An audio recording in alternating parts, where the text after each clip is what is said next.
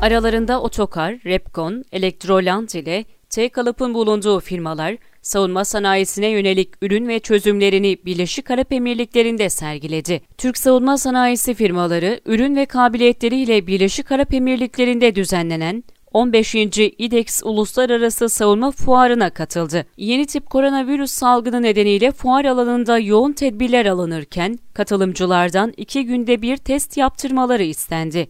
Türkiye'den Base Studio Arge ve Teknoloji Sanayi, Elektroland Savunma Sanayi, Garanti Giyim Kompozit Teknolojileri, Makel Mekanik Mühendislik, Osan Savunma, Otokar, Repkon, T-Kalıp, Transvaro Elektron Aletleri, Unifo Gıda, fuarda ürün ve kabiliyetlerini tanıttı. Repkon, kısa, orta, uzun menzilli roket gövdeleri ve namlu ürün grubuyla fuarda yerini aldı. Metal şekillendirme sektöründe anahtar teslim üretim tesisleri kuran Repkon, ayrıca küresel pazarlar için temel metal şekillendirme makinelerini tasarlıyor ve üretiyor. Şirket dünyada rotasyonel, simetrik parçalar için nadir görülen soğuk akıtarak şekillendirme ve soğuk dövme teknolojisi ile sektörde öne çıkıyor.